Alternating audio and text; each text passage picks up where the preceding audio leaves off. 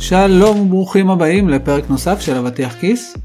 אני אלעד יעקב ואיתי נורית בן משה, והיום אנחנו מארחים את ענווה רצון.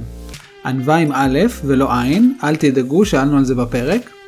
ענווה היא עובדת סוציאלית קהילתית, עם התמחות בפיתוח קהילתי וארגוני בסביבות משתנות. ענווה עובדת עם ארגונים, מנהלים ומנהלות, עובדים ועובדות, על תהליכים שמאפשרים להתמודד עם אתגרים ושינויים, וזאת על ידי חיזוק החוסן הארגוני והקהילתי. ענווה בעלת לא פחות משני תארים שניים, וואו, בפיתוח קהילתי וארגוני ובעבודה סוציאלית. היא בעלת אסמכתה בניהול מצבי חירום ואסון, ובעשור האחרון היא ליוותה משלחות חירום והובילה פרויקטים בינלאומיים במדינות מתפתחות. אז בתקופה כזאת מטלטלת בעולם העבודה העכשווי, דיברנו עם ענווה על מה זה חוסן, ואיך אנחנו מחזקים את השריר הזה בארגונים, ובמיוחד אצלנו המנהלים והמנהלות. אז יאללה, מוזיקה, ונתחיל.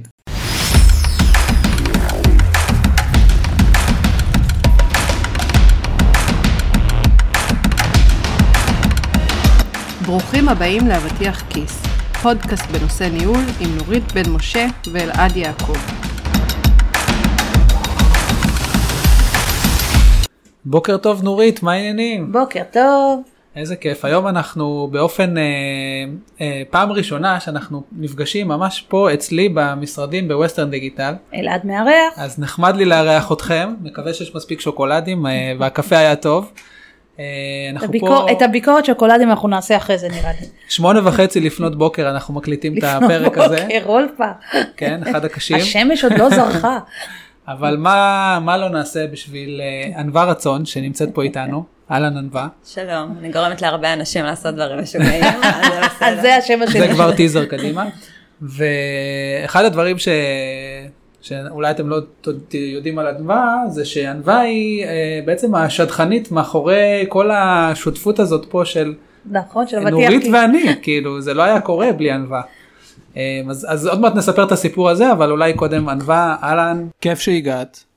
ובואי נתחיל אולי מהסיפור שלך, נשמח שתספרי לנו קצת על עצמך. אה, אז קוראים לי ענווה, שזה א' נ' ו' ה', שזה תמיד אה, מעלה המון תהיות, מה זה בכלל, אז אה, אני דתל"שית, וזה מגיע מתוך שירת הים, אומרים את זה גם בשחרית, זה לי וענווהו, שזה אומר אפאר, מלשון עבה, אז זה ככה שבירת הקרח שלי תמיד.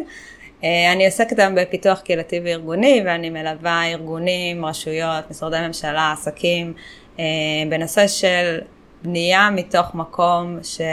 people center, כאילו, שרואה את האנשים, זה יכול להיות במוביליות חברתית, זה יכול להיות בתמיכה, זה יכול להיות בבניית חוסן. אה, זהו, נראה לי פחות או יותר.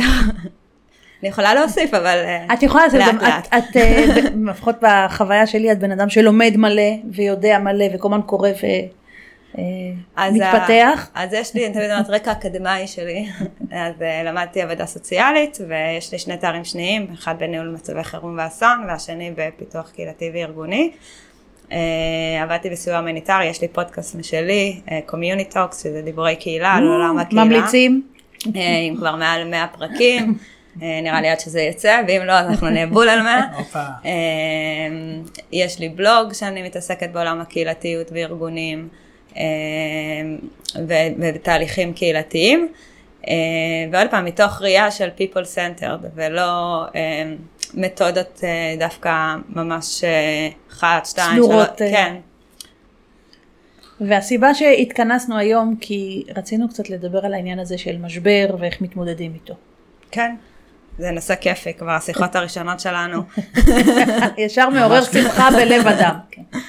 לא, אני חושבת, תראו, אם אה, נהיה אמיתיים, אנשים חווים היום ברמה האישית, ברמה הארגונית, ברמה הגלובלית, מדינה, עולם וזה, אנחנו חווים כל הזמן משברים והרבה דברים שקורים. אני חושב שהעולם הוא, כן, הוא השתגע קצת, וככה אני רואה את זה, אני חושב שכאילו all over, מכל מקום, אני רק, אה, אני לפחות, ואני חושב שגם הרבה מאיתנו פה בישראל הקטנה מרגישים המון לחץ מכל מקום, ו... ומשברים הם אה, עניין של אה, בשגרה, אני חושב. ורצינו לשמוע איך אנחנו מתמודדים עם, עם משברים שבאים ו... ולא מפסיקים לבוא. את קודם כל בכלל מה זה משבר, איך את מגדירה את זה? אז זהו, אז אה, זה רעיון טוב להתחיל שנייה עם הבסיס ולהבין. משבר הוא בעצם כל דבר שמערער לנו את הידוע ואת המוכר לנו, ובעצם אנחנו צריכים להתחיל לשנות את הדפוסי התנהגות, דפוסי חשיבה שיש לנו, ובעצם מה שהופך אותו למשבר זה שהוא מכניס המון המון אי ודאות לחיים שלנו, ואנחנו כבני אדם... פחות אוהבים את זה. פחות אוהבים את זה, וגם הורגלנו לחיות מהראש, כלומר, הכל מאוד קוגניטיבי ולהבין ולדעת, וברגע שאנחנו מרגישים שאנחנו לא יודעים משהו, או... או שאנחנו לא מבינים כל כך איך להתנהל בתוך הסיטואציה, uh, הדבר הזה יכול לגרום למשבר, אבל לא לכל אחד, כי אנחנו סובייקטיביים בסוף. כאילו, אם משהו אחד יגרום משבר לבן אדם מסוים, uh, זה לא אומר שבן אדם אחר uh, יחווה את זה כמשבר. אם ניקח לדוגמה תאונת דרכים חלילה שיכולה לקרוא למישהו, אותם אנשים נמצאים באותו מקום, בן אדם אחד יכול לקחת את זה אה, ולחוות את זה אפילו כטראומה, כמש, כמשהו מאוד מאוד קיצוני, ובן אדם אחר יכול להגיד, אוקיי, לחזור לאוטו. היה אירוע. כן, כאילו. היה אירוע ולנסוע. מתי זה הופך למשבר? אה, כשבעצם אנחנו מרגישים שיש לנו איזשהו פער בין המשאבים שקיימים לנו, האובייקטיביים או הסובייקטיביים שלנו, האישיים, לבין היכולת שלנו להגיב לאותו אירוע. ו... אז בוא רגע ניתן אולי דוגמה למה זה אומר. אז, אה, אז אתם רוצ... מוכנים לחלוק עם אה, אולי איזושהי סיטואציה ו... נגיד עכשיו אנחנו בחברה שעוברת אה, מהלך גדול של צמצומים, למשל. אז זה משבר, זאת אומרת אה, חברה שעוברת צמצומים, המנהלים והעובדים נמצאים במין משבר כזה של לאן הולכים, מה קורה, אה, האם זה ימשיך, הרבה אי ודאות. אוקיי, okay, אז, אני, אז אני מתחברת אליך ואנחנו נמצאים במקום של אי ודאות ואז אני אומרת שנייה בואו נעצור. אה, בואו שנייה נמפה ונראה מה המשאבים שכן עומדים לרשותנו כדי לייצר איזושהי ודאות בתוך האי ודאות הזאת, אוקיי? אוקיי. לדוגמה, בתוך עולם כזה שתחשבו אתם נמצאים בארגון וכל היום יש שמועות על זה שהולכים לפטר ואף אחד לא יודע כמה הולכים לפטר, רק שומעים את המילה פיטורים. לדוגמה, נכון? יכולים להתחבר לזה. דוגמה היפותטית. סתם. כן, לא קרה מעולם בשום ארגון. סתם זרקתי להעביר כן. איזה משהו. אה, אבל בואו נניח שאנחנו נייצר איזושהי איזשהו שביל של ודאות לעובדים בתוך העולם הזה, אוקיי? לדוגמה נדבר בשקיפות, ובמקום שזה יהיה המון התלחש... התלחששויות בתוך הארגון, נייצר איזושהי הודעה מתוך מקום של אה, מנהיגות משתפת, שאומרת, נכון, יש לנו איזשהו משבר, אנחנו כנראה צריכים ללכת לפיטורים, אנחנו עוד לא יודעים מי, מה, כמה ולמה, אבל אנחנו מבטיחים לכם שאנחנו יושבים ואנחנו על זה, ולא נשחרר אף אחד בלי שנדאג לו. לדוגמה. אבל זה לא מפסיק את ההתלחששויות. זה לא מפסיק את ההתלחששויות, אבל זה כבר מייצר אה, איזושהי קטגוריה שהיא מאוד חשובה בעולם של ניהול משברים, של אמון. כלומר, לא מנסים לכסתח כאן איזשהו משהו, וההתלחששויות אגב יכולות לקחת את זה, סתם, יש הבדל אם יפטרו עשרה אנשים, נכון, בתחושה נכון. של האנשים בארגון, לבין שיפטרו עכשיו אלף אנשים. נכון. אבל כשאתה נותן איזושהי שקיפות ומכניס את זה לתוך איזושהי, איזשהם גבולות, לאנשים יותר קל להתמודד עם זה, כי סטטיסטית גם יש פחות סיכוי שיפטרו אותי אם יפטרו עשרה אנשים. ואז אפשר להמשיך. אה, כל בן אדם שאולי נפטר, אנחנו מבטיחים להעביר אותו x, y, z כדי לדעת איך להתנהל בתוך זה, אה, אם זה, לא יודעת, סתם אני מציעה, כן? אה, קורס להתנהלות כלכלית בתקופה כזאתי, אם זה לכתוב על אותו בן אדם ולעזור לו ולשדך אותו לארגונים אחרים. ואז אני לא מרגיש לבד, ובנוסף אני גם מוסיפה כארגון איזשהו מימד של חוויית עובד, נכון? כן. של מעורבות, של תחושה ש... שחשוב לי גם במקרים קשים לדאוג לעובדים שגם עוזבים אותי, חשוב לי גם לדאוג להם, אה, אני חושב שזה מאוד יפה וחשוב. ובסוף גם כולנו עברנו עבודות, כאילו במיוחד בעולם של היום, שאנחנו ז... זזים, כן. זזים וכולי, ו... ואם אנחנו גם נלך למקום של, אוקיי, זה מעבר, כאילו גם לעזור לעובדים עצמם, לראות את המקום שזה מעבר, התמודדנו איתו כבר פעם, mm-hmm. יש לנו, זה המשאבים של הבן אדם, כן. נכון? התמודדתי עם זה פעם, יצרתי, יצאתי מהמקום הזה, אני לא חסר אונים בתוך המקום הזה, יש לי כלים להתמודד עם זה. גם הבן אדם שיחווה את המשבר, הוא יחווה אותו בצורה בריאה, כאילו, כי כולנו עוברים משברים בחיים כל הזמן. כאילו, החיים הם לא, לא יודעת אם אני מגלה לכם סוד, אבל הם לא רק אה, שמחה. די, פעם ראשונה שאני שומעת את זה, איזה קטע. אז אנחנו עוברים משברים אה, גם בחיים האישיים, בזוגיות, עם ילדים, אה, נכון? כאילו כל הזמן. אצלי זה רק שמחה, אני לא יודע מה זה איך שמתחילות צרחות בבית, אני אומרת, תענוג. רק שמחה. אז בפייסבוק זה נראה הרבה. פעמים, זה רק, שזה רק שמחה, ובעצם נכון. כשאנחנו מנרמלים את הדבר הזה, ואנחנו רואים שכבר התמודדנו בחיים שלנו עם משברים כאלה ואחרים, ואנחנו נצליח לצלוח גם את הדבר הזה, אנחנו מייצרים גם בתוך הארגון איזושהי תרבות של התמודדות, ותרבות של אכפתיות, ותרבות של שייכות. אה, וזה באמת מצמצם את האי ודאות אה, לאנשים, כי הם יודעים שגם אם אני אהיה מפוטר מתוך ההתלחששויות האלה, אני לא לבד. שזה כבר נראה לי משהו. אז את מדברת ככה, כשאני מקשיבה למה שאת אומרת, אז אני ככה שומעת את הדבר הראשון, שאחד, מה שמאוד מטלטל אותנו כאנשים, זה ההתמודדות עם החוסר ודאות. אנחנו כמערכת לא אוהבים חוסר ודאות, בגלל זה גם למשל המון פעמים אנחנו עושים כל ההטיות הקוגנטיביות המון פעמים, זה להשלים את אותם פערים שאין לנו בידע נכון. ולהתגבר. אז את אומרת בואו נטפל בזה. זאת אומרת, אה, ארגון למשל צריך כמה שיותר לנהוג בשקיפות. אני לא חושבת שאפשר נגיד שקיפות מלאה, בכל זאת, לא יודע, אם יש שקיפות בפ- רדיקלית. אבל, אבל כן לנסות ולפחות לבוא ולהגיד גם מה לא ידוע כרגע, או מה אין החלטה, ולהיות מה יותר שאפשר טובים. לשתף, תשתפו. כן. כן, אני תמיד בעד. זה אחרת זה מייצר אה, הרגשה של אה, מסתירים ממני, למה לא מספרים כי לי. אז זה פוגע באמון בעצם, שהוא. קריטי לניהול נכון. מוצלח, בעצם של. מצב כזה. ובסוף מי שמייצר אה, את, ה, אה, את המשברים זה הבני אדם, ואיך שאנ... וזה לא הארגון, כי זה ארגון, התפיסה שלנו. ארגון הוא אה, סטטי, כאילו משהו שאין לו באמת אה, יכולת. זה- בני אדם מנהלים את הארגון, בני אדם עובדים בארגון. אה, אז בסוף מי שייצר, האם זה יהיה משבר או לא יהיה משבר, זה איך אנחנו כבני אדם, כמנהלים, בעצם נתנהג בתוך המשבר הזה, ואני תמיד נותנת אה, דוגמה של אה, שתי סופות שכולנו, אה, דווקא אנחנו לא מכירים את שתיהן, אבל נניח אני זורקת לכם שמות, את ווילמה וקטרינה, על מי מהם יותר שמעתם? קטרינה, ברור. קטרינה, בטח. אז uh, קטרינה באמת הייתה סופה, אבל ווילמה הייתה בערך באותו זמן, והיא הייתה אפילו יותר חזקה מקטרינה. עכשיו, ווילמה לא שמענו כי ניהלו אותה בצורה מאוד מאוד אחראית ונכונה. קטרינה, הניהול שלה היה uh, יותר כאוטי? מאוד כאוטי, אה, והרבה מההרוגים אגב בקטרינה היו אחרי הסופה, אה, אנשים שמתו ונפגעו מהניהול הכושל של המשבר, וואו. אחרי שהוא הגיע, אה, והסיבה שלא שמענו כי זה האנשים בצורה שהם ניהלו, גם בעולם החירום והאסון לדוגמה כבר לא אומרים natural disaster, כאילו אסון טבע, אומרים natural hazard, כאילו מפגע טבעי, כי האם הוא יהיה disaster או hazard, זה אנחנו אה, נגרום לזה כבני אדם. אבל זה לא קצת, רגע, אני רוצה לאתגר במשהו, בסדר? אם אה, ארגון עכשיו מפטר 30% מהאנשים או 40% מהאנשים, אני לא יכולה לבוא ולהגיד, אה, טוב, אה, טפטף עליי. זה כאילו, זה אירוע שהוא מהדהד. ארגון לא מתעורר בבוקר ומפטר אה, 30-40 אחוז מהעובדים שלו סתם כי... סתם זה קרה, לא. כי קרה משהו, נכון? כאילו, כן. יש איזשהו...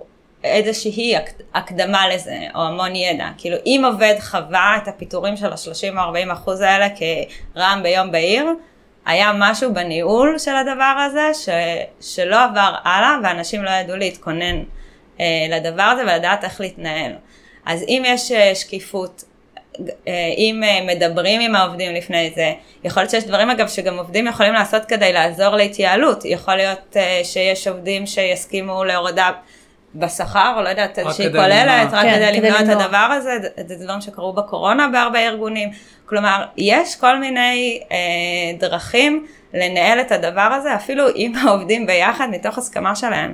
אה, ארגון לדעתי שמגיע לכאלה פיטורים אה, ועובדים שומעים על זה פעם ראשונה כשזה קורה, אז עוד פעם, בני אדם יצרו את המשבר הזה בהתנהלות, וגם אה, תוכניות מגירה, כאילו, אבל אין לנו למשל, את יודעת, אני רגע מסתכלת על מודלים שכן מדברים על, על אה, בעיות או על אה, משברים, אירועים, הם כן, יש הבחנה הרי, זה לא כל דבר הוא, הבחנה בין... למה? בין הסוגים של המשברים בעצם, של... אה, יש אה, הבחנה, כי יש אה, דברים שהם יהיו יותר כאוטיים, לדוגמה, שלא נצליח אה, להבין מה קורה ונצ...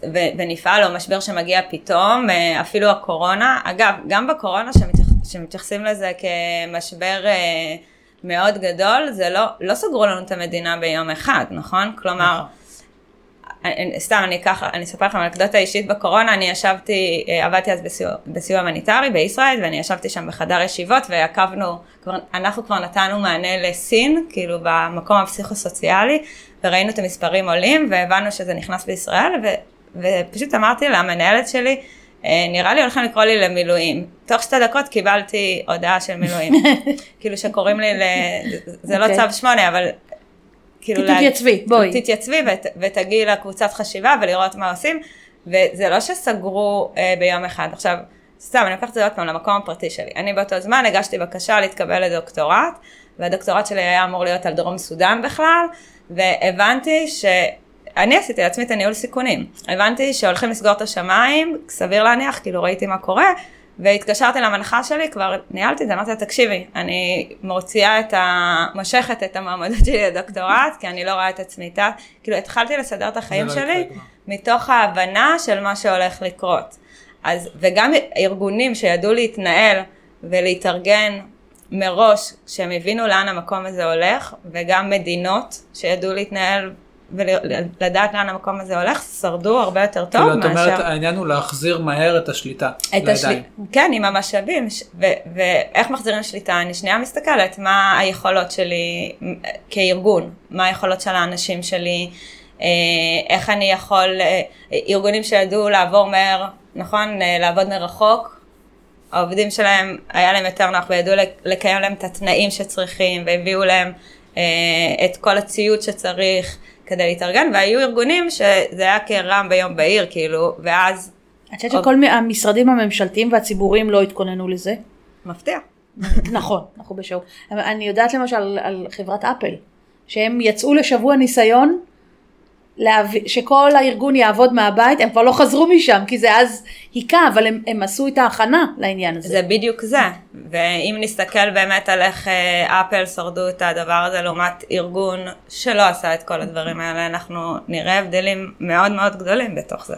אוקיי, אז בעצם אנחנו אומרים שבעת משבר, אה, שאת אמרת שזה תלוי מאוד באנשים, תלוי מאוד במנהלים שנמצאים למעלה, זה לא רק איך הם מנהלים את המשבר שהוא קורה, זה גם איך הם מכינים את עצמם למשבר שאולי יקרה. זאת אומרת, יש פה הרבה אה, עבודה של תוכניות מגירה, אני קורא לזה, למקרה של אה, יום אה, פקודה או יום רעם שצריך להפעיל אותם. ממש, ואגב, בישראל אנחנו יכולים להיות אה, יחסית טובים בזה, כי לצערנו אנחנו מדינה מיליט... מיליטריסטית, נכון. אז אנשים יודעים פחות או יותר להתכונן לזה. אם רגע, אני רוצה לדבר בזכות האמריקאים. למה גרתי שלוש שנים, והילדים שלי שהיו במערכות החינוך, היו עושים להם פייר דריל כל הזמן. כן, כי שם... בארץ משוגעים. מורידים אותם אז, למקלטים. מקליטים, אז כאילו אבל- היה כן, כי זה החשש שלהם שם, משרפות. אבל עוד פעם, מה זה עושה? זה נותן תחושת שליטה, נכון? כי אם והיה ויקרה משהו, אתה מתורגל בזה בעצם. לי יש את השליטה על איך להתנהל כדי לעשות מינימום אה, פגיעות. עכשיו, יש דבר כזה שנקרא אה, תיאוריית השינוי, אוקיי? כל דבר שאנחנו עושים, אנחנו צריכים לנסות לחשוב גם מה יהיה ההשלכות שלו. כי כל שינוי, כאילו תחשבו על מערכת אקולוגית אפילו בטבע, כאילו כל שינוי שקורה, יש בגללו עוד אדוות קטנות ושינויים קטנים שקורים, אה, ואם נצליח כמה שיותר, כן? זה לא, זה אף פעם לא פיקס, זה אף פעם לא, אבל כמה שיותר, אנחנו, יהיה לנו יותר גמישות, כאילו את ה-growth mindset שכולם נורא אוהבים להגיד, אה, יהיה לנו הרבה יותר אה, גמישות וכלים ומשאבים לדעת מה אני לוקח, מתי ואיך. אז מה שאת באה ואומרת בעצם, אה, אה, כל ההתכוננות הזאת נגיד גם לירידה למקלטים, אה, לא משנה, אה, כל אחד בקטע שלו, או הכנה של כסף, או, או העניין הזה של להתכונן למשל שארגון יהיו בו פיטורים, ויהיו, אה, זה דבר שמחזק אותנו, נכון. למעשה, והוא לא מיותר. נכון, וגם חשוב להגיד, אה, שזה המקום של העובדת סוציאלית שבי, שצריך לזכור שאנחנו גם וגם, כלומר, אנחנו יכולים אה, אה, בתוך המשבר, זה בסדר, גם אם נשבר כאילו לשנייה ונחזור, אבל כל עוד אנחנו יודעים לשחק על המקום הזה של להיות קשובים לעצמנו, לדעת שלפעמים יהיה לנו גם מקומות קשים, זה גם סוג של הכנה מנטלית, נכון? כאילו שאני יודעת ש... כן. שיהיה לי קשה וכנראה שמת... ש... שזה לא יהיה לי נעים לפטר את המאה האנשים האלה. זה כנראה יהיה לי קשה לעשות חשוב את זה. להתחבר, כי אחרת אתה הופך להיות אה, לא מחובר, אה, כאילו לא אמפתי, רובוטי, כן. כן, כאילו זה מנותק. אה, כאילו אנחנו, אנחנו מדברים פה הרבה ואני כאילו, המילה שעולה לי כל הזמן זה חוסן, זה בעצם מה שאנחנו אומרים פה זה שאנשים אה, שמכינים את עצמם ויודעים להתמודד יותר טוב, זה בעצם אנשים שיש להם יותר, אה, אנחנו אומרים כאילו רזיליאנסי, חוסן, אדברסיטי, כאילו יודעים להתמודד עם קשיים. לגמרי. אז איך אני כמנהל או מנהלת ששומעים אותנו, איך אנחנו עובדים על השריר הזה של החוסן? איך בכלל אפשר לחזק אותו? כאילו, זה משהו שאפשר לחזק? מאוד אפשר לחזק, זה משהו שלומדים אותו הרבה פעמים. אה,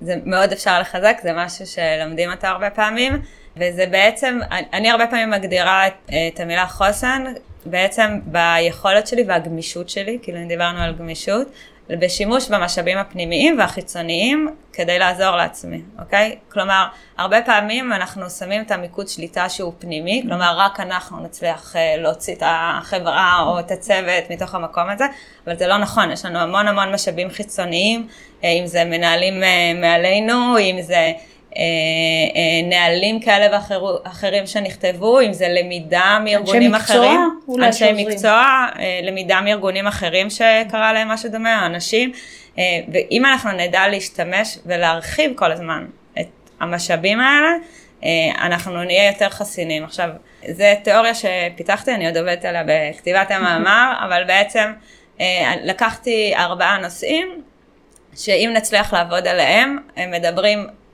יש גישה שנקרא הסוציו-אקולוגית, שמדברת בעצם על הראייה מרמת הפרט, קהילה, מערכת, ובעצם היא מדברת על ארבעה מימדים, אחד שזה רמת הפרט, זה שייכות, כמה אני מרגישה שייכת אה, למקום, כלומר, איך אנשים נותנים לי להרגיש ויכולים לעזור לי בכל מיני דברים. ולדעת לבקש עזרה, אגב, זה אחד הדברים הכי חשובים בחוסן וביכולת להתמודדות.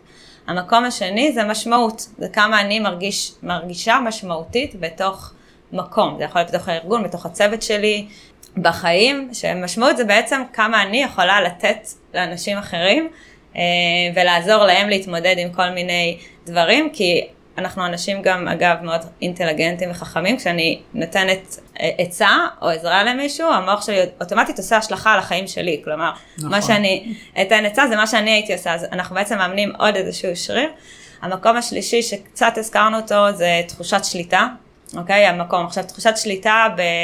בתוך אה, הספרות המקצועית היא מתחלקת לשתיים, יש אה, שליטה אובייקטיבית נקרא לזה, אה, שזה שליטה של, במשאבים, אה, במה שאני עושה. כמה שנגישות לכסף, להחלטה. בדיוק, ויש תחושת שליטה שהיא סובייקטיבית, כמה אני גם מרגישה שאני יכולה להשתמש במשאבים האלה, או, או כמה, אה, או אם דיברנו שאני על... שאני חלק מהעניין בכלל. לגמרי, אז, אז זו תחושת שליטה שלישית, והרביעי זה בעצם, שלושתם הופכים את הדבר הזה, זה נרטיב מיטיב. כלומר, איך אני מספרת לעצמי את הסיפור, Hmm.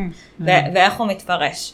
כי עוד פעם, אנחנו יכולים ללכת למקום ולראות את עצמנו, סתם, אם uh, ניקח את הפיטורים, אוקיי? איזה מסכנה אני, אין לי עבודה, מה אני אעשה עכשיו, איך אני אכלכל את הבית uh, וכולי.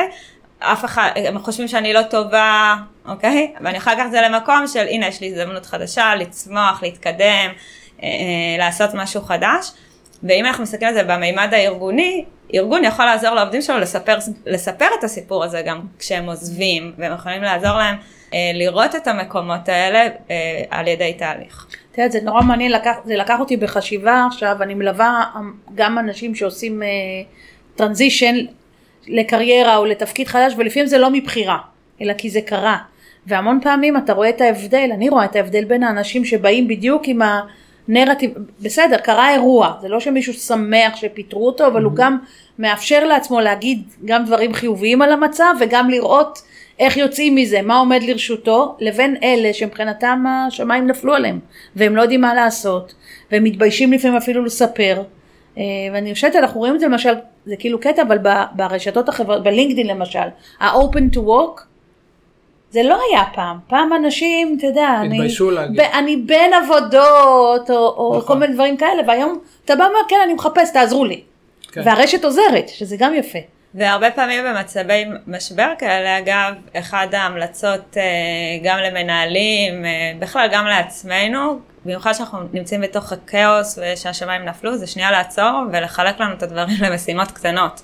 כי המשימות הקטנות האלה מייצרות לנו תחושת הצלחה. נכון. והתחושה- ושליטה גם. אני מאוד מאמין. התחושת זה שליטה, שליטה. לגמרי. וההצלחה, אה, אפשר ללכת למקום הרוחני, אבל אפשר ללכת גם למקום המאוד פיזיולוגי, היא אה, מפרישה לנו הורמונים שמעודדים אותנו ונותנים לנו את הרצון להמשיך. אה, ובאמת בחירומים, אפילו לחיילים, למשלחות חירום, אה, לא נותנים להם משימה שיכולה להיתפס כרחוקה ונשיג אותה נכון. עוד אה, שנה, אלא ממש מחלקים את זה למשימות קטנות, שעוד עשר דקות אני יכולה כבר לחזור ולהגיד, הצלחתי. כאילו הבן אדם צריך לראות את היכולת שלו להצליח במשימה, כי אם זה גדול מדי אז באמת אנחנו... נאבדים. יהיה מאוד קשה. כן. אני מאוד מתחבר, אני גם כאילו, אני יכול להגיד שגם בחברה שלנו עכשיו למשל, שאני עובד עם העובדים, אז יש קצת אי ודאות לגבי מה יהיה עוד שנה, איזה פרויקטים לעבוד וכל זה, וזה כאילו קצת קשה לחלק מהאנשים, ובאמת המקום שבחרנו ללכת איתו זה... בסדר, כאילו אנחנו בעולם כזה שהוא מאוד דינמי ומשתנה, אבל בואו נראה רגע מה יש לנו אה, בטווח הקרוב. בואו נראה מה המיילסטונים הבאים, אז בואו נתמקד במיילסטון שהוא עוד שלושה חודשים, שאנחנו בטוחים שהוא קורה, אז בואו נתמקד בו, בואו ננסה להצליח בו, ו- ונתחיל להתגלגל ככה, ואני חושב שזה מאוד עוזר לאנשים שהם באמת מתפקסים על, ה- על, ה- על, על אה, קפיצות קטנות, במקום נכון. הקפיצה הגדולה לסיום. אבל אני אוסיף לזה גם שהמימד של התקווה, כאילו, הוא מאוד מאוד חשוב. כלומר, נכון. צריך להת, להתמקד באמת במשימות הקטנות, אבל, ועכשיו, כן. אבל לנסות לראות גם לאן אנחנו שואפים. ואגב, אני מאוד מאמינה בזה, ככה נורית ואני התחלנו ללמוד את הקורס שאנחנו לומדות עכשיו אה, ביחד על תיאוריית U, אה, לייצר לעצמנו את המציאות. כאילו, הרבה פעמים כשיש אי ודאות, אני שואלת את עצמי, אוקיי, מה אני רוצה? אבל מה, אבל מה אני רוצה?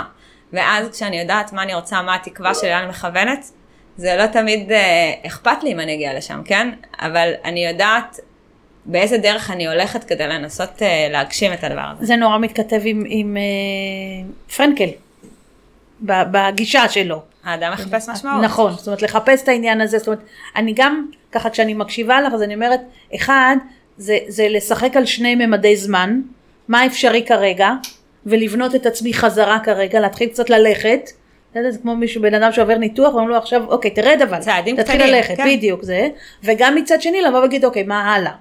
לאן אני הולך? וזה כאילו חשוב להתנהל בשני הממדים האלה. כן, ואנחנו בעולם של היום, אנחנו מאוד רוצים, אנחנו עולם שמאוד מקדש אה, הגשמה. אה, נכון. מאוד מקדש אה, להיות המיטב שלנו. להרגיש שאני משפיע, שאני עושה טוב לעולם. לגמרי. אני מקווה שכולם רוצים לעשות טוב לעולם. וגם בתוך... לא, לא, כן. ואני חושבת שגם. בתוך כל מי הדבר... ששומע את הפודקאסט בטוח רוצה לעשות טוב לעולם. מהקבוצה שלנו. ומי שלא של רוצה. שיפסיק עכשיו. בדיוק. שיפסיק, כן, ש- שידבר איתי.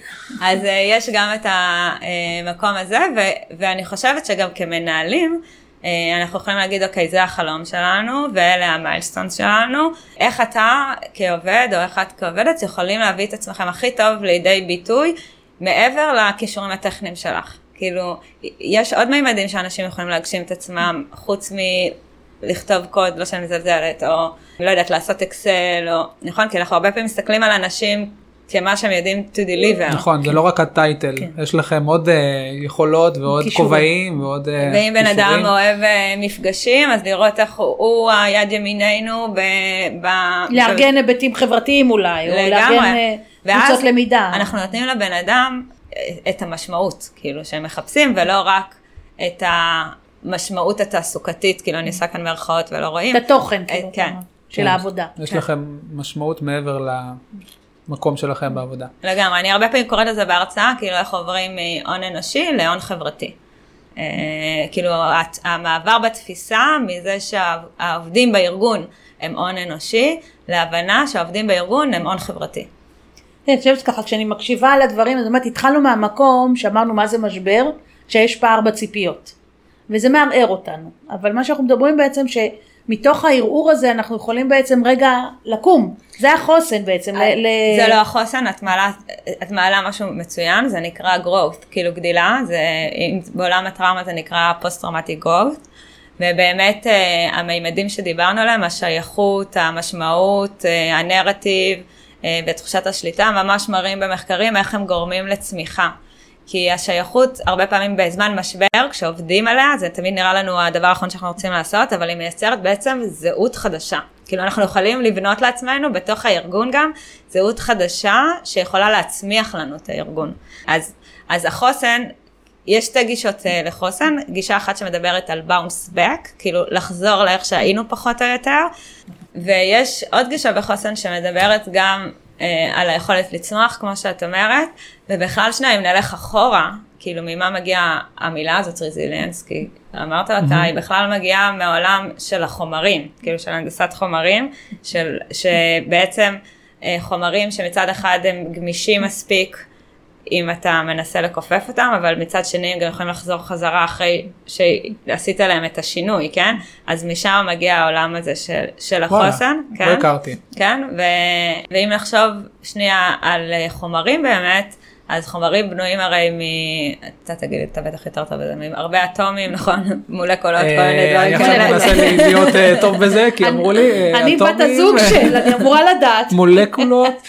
לא, אני לא מהתחום הזה. אז אה, חומרים בנויים מהרבה דברים כן. אחרים, ואם נחשוב על זה, אף פעם לא חוזרים להיות כמו שהיינו באמת, אה, כאילו הבאונס בק הזה. תמיד יש באמת איזשהו שינוי אחרי שיש, שיש מקום, אפילו... אפילו נניח אה, אישה אחרי לידה מנסה לחזור הרבה פעמים לאיך שהיא הייתה, אבל היא לא הייתה, כאילו, עבר איזשהו משהו. הגוף עבר שינוי, הנפש עברה שינוי. ויש מקום של לקבל את הדבר הזה ולראות איך אני יכולה מתוך הקבלה עדיין לקבל ולאהוב את מה שנמצא ואולי אפילו לצמוח מתוך זה. זה מזכיר לי, הזכרתי מקודם שעברתי, גרתי כמה שנים בארצות הברית, וההתחלה הייתה נורא נורא קשה. ופתאום אתה מבין מה זה להיות מהגר.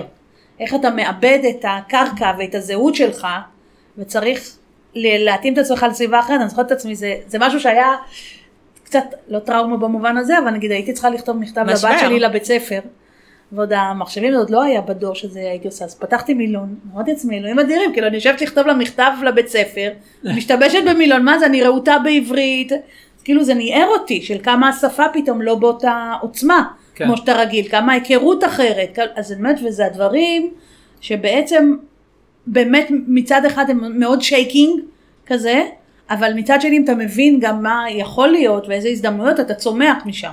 וגם סביר לך שהרגשתי, אני עוד פעם מחברת את כל הדברים, זה שאין לך את המשאבים לעשות את הדבר. בהתחלה נכון. ואז אני שאלה טובה תהיה לשאול את עצמי איזה משאבים אני צריכה. כאילו, מה יכול לעזור לי להתגבר על אותו אה, משבר שאני מרגישה, גם משבר לא צריך להיות אה, מאוד גדול, כן? משבר אה, יכול להיות אה, ממש נקודתי, הוא יכול להיות מתמשך, הוא יכול להיות חיצוני, הוא יכול להיות פנימי, כלומר יש הרבה סוגי משברים שיכולים להיות, אה, ואני תמיד אה, הכי ממליצה זה כשמגיע המשבר, אנחנו תמיד אה, מתחילים להגיב אה, אימפולסיבי קצת, ואמוציונלי גם. אז לעצור, שנייה לעצור. ולהסתכל עליו. להפנים. להפנים ולבדוק מה אני, למה אני זקוקה, כאילו, מה אני צריכה.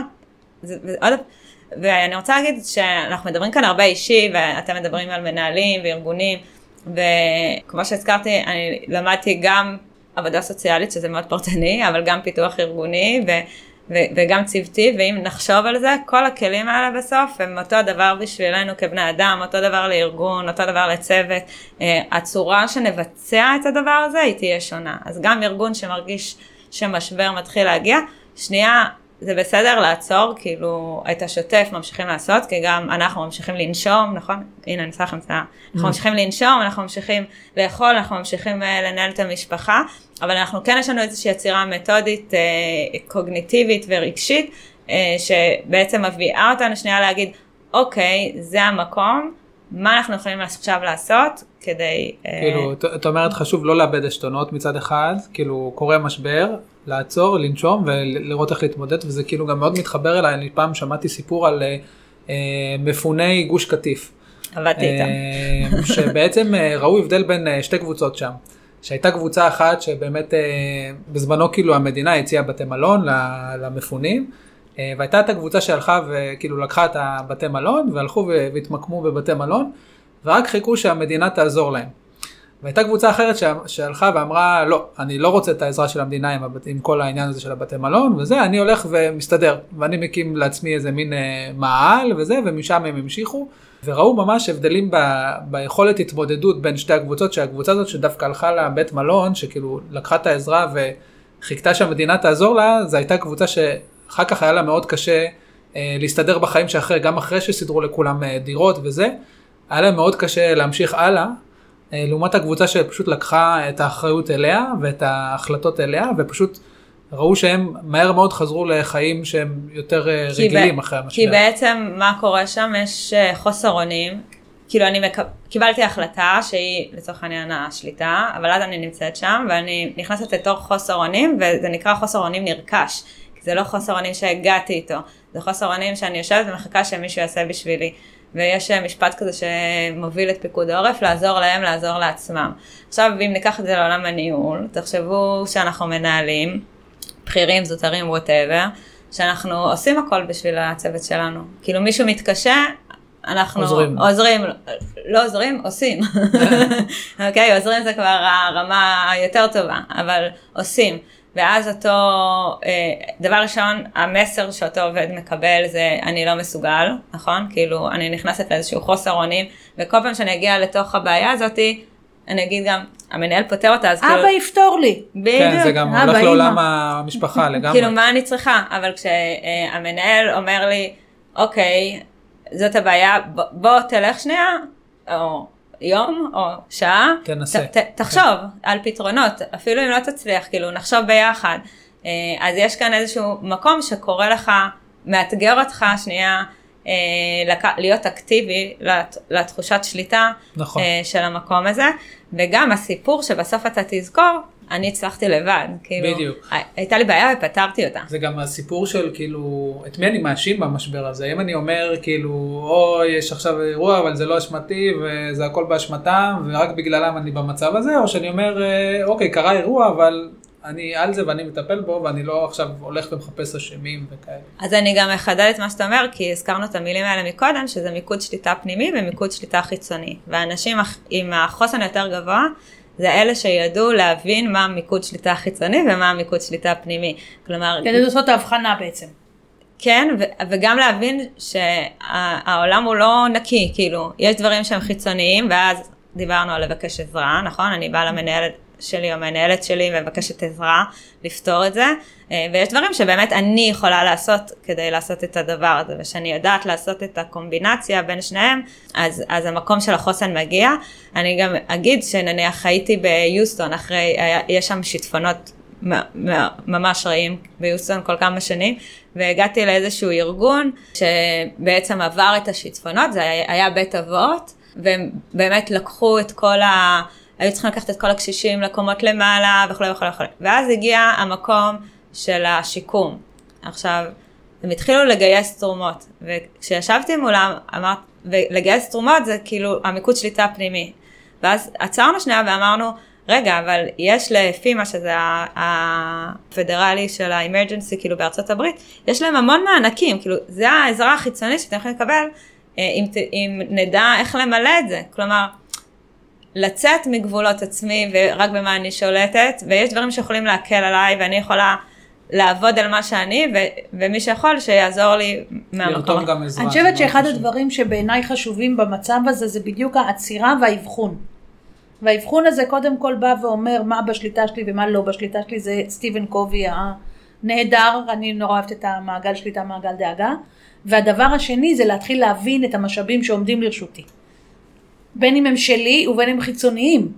ואני חושבת שבגדול זה לזוז רגע מההפעלה של מערכת אחת, הרי משבר מפעיל אצלנו את כל החרדות, ואת התחושת סכנה, שהרבה פעמים היא אמיתית, ואת הרצון לנקוט ב-fight, flight or freeze, ולהעביר את זה למערכת היותר קוגניטיבית שלנו, שמסוגלת לנתח את המצב, ולראות אופציות, ולראות עתיד, ולראות יכולות. אז אני, אז אני אגיד על הדבר הזה כמה דברים. אחד, ה-fight flight of freeze, במחקרים שעשו לנפגעי טראומה, מי האנשים שקיבלו הכי הרבה טראומה? פריז? הפריז. כי בעצם התחושה שלהם הייתה, יש, הצלחת. כי בעצם התחושה שלהם הייתה, הם אכלו אותה, אבל אתה הצלחת. לא, התחושה שלהם הייתה שהם לא עשו כלום. היום בטיפול פסיכולוגי, אם אנחנו מדברים על הנרטיב, מה עושים עם אותם אנשים? עוזרים להם לבנות נרטיב חדש, מתוך ההבנה גם שאם תחשבו על זה אבולוציונית, אה, אם תחשבו על חיות וכולי, לפעמים הפריז זה מה שיציל אותם. כלומר, יש לנו מערכות שהן הרבה יותר אה, עתיקות ממה שנראה לנו כן. היום, וכשתחושות של הלחץ, החרדה מגיעות, יש שאט דאון כזה. כן, החיישנים שאנחנו מקבלים זה שמה שיציל אותנו זה שנייה לקפוא. לא לזוז. לא לזוז, נכון. ו, ו, וזה הנרטיב החדש, וזה בסדר, ועל זה דיברנו על הקבלה והחמלה, כלומר, גם אם אני לא מצליחה משהו, כאילו, שנייה לקבל את זה, זה גדול יותר ממני. וכשדיברת על לעצור הדבר הזה, כאילו, איך אנחנו שנייה עוצרים ומסתכלים, אז יש מודל ב... אה, ב... לא יודע, זה לא רק בחירום, אבל זה נקרא 4Ws, נראה לי גם את דיברת על זה, זה בעצם who's doing what, when and how. כאילו, לנסות שנייה לייצר איזה ש... לשאול את עצמנו ארבע שאלות, כדי לראות בעצם איך אנחנו הולכים uh, לפתור את אותה סוגיה. who, what, when and how. טוב, אז זה נשמע שאנחנו קצת ככה מסיימים יותר אופטימיים. זאת אומרת שגם במשברים בעצם, אחד, הם תפיסה, נתחיל מזה, והדבר השני שאפשר בכל מקרה להתכונן אליהם, ושיש, ואפשר לנהל אותם תוך כדי, ושאפשר לצאת מהם ולבנות משהו אולי יותר טוב.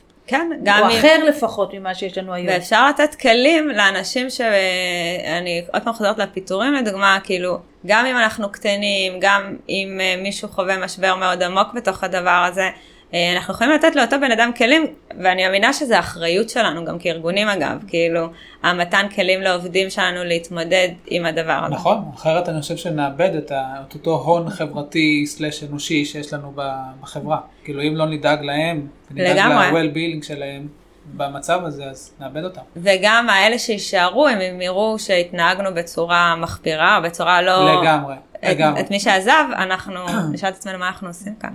כן, לגמרי. תודה רבה שבאת. תודה לכם שהערכתם אותי. שיתפת בהרבה ידע וטיפים טובים שאני חושבת יכולים לעזור. גם, ל, גם, גם למנהלים עצמם, גם לאנשים שחווים את זה, ואני חושבת גם לאנשי ה-HR שקשורים לנושא הזה. אז אם אה, שנייה אני אאסוף, בעצם דיברנו על משאבים פנימיים, משאבים חיצוניים, לעצור, לנשום, לעשות איזשהו מיפוי בהבנה מה קיים לי, מה אני, יכול לעשות, מה אני יכולה לעשות, איך לעשות אותו, מי עושה, מתי עושים. אה, את כל הדבר הזה. אה, המון חמלה על המקום הזה, אה, ושייכות, משמעות, תחושת כן. שליטה ונרטיב. מה שאני מאוד התחברתי זה גם לעניין הזה של התוכניות מגירה. כאילו ארגונים, ארגונים ומנהלים צריכים גם להכין את עצמם ליום קשה. שיהיה להם תוכניות שברגע שהוא קורה, אני חושב שזה מאוד יכול לעזור לחוסן ולהרגשה שאתה בשליטה אם יש לך תוכנית מוכנה מראש. לגמרי. אז תודה רבה, היה ממש כיף. לגמרי. ואולי ניפגש שוב לעוד פרק, מה את אומרת? אני בשמחה, אני כאן כשאתם קוראים לי. אבל לא בשמונה וחצי בבוקר. זה היה קשוח מדי, אה? תודה רבה לכל המאזינים, נתראה שוב בהמשך, ביי ביי.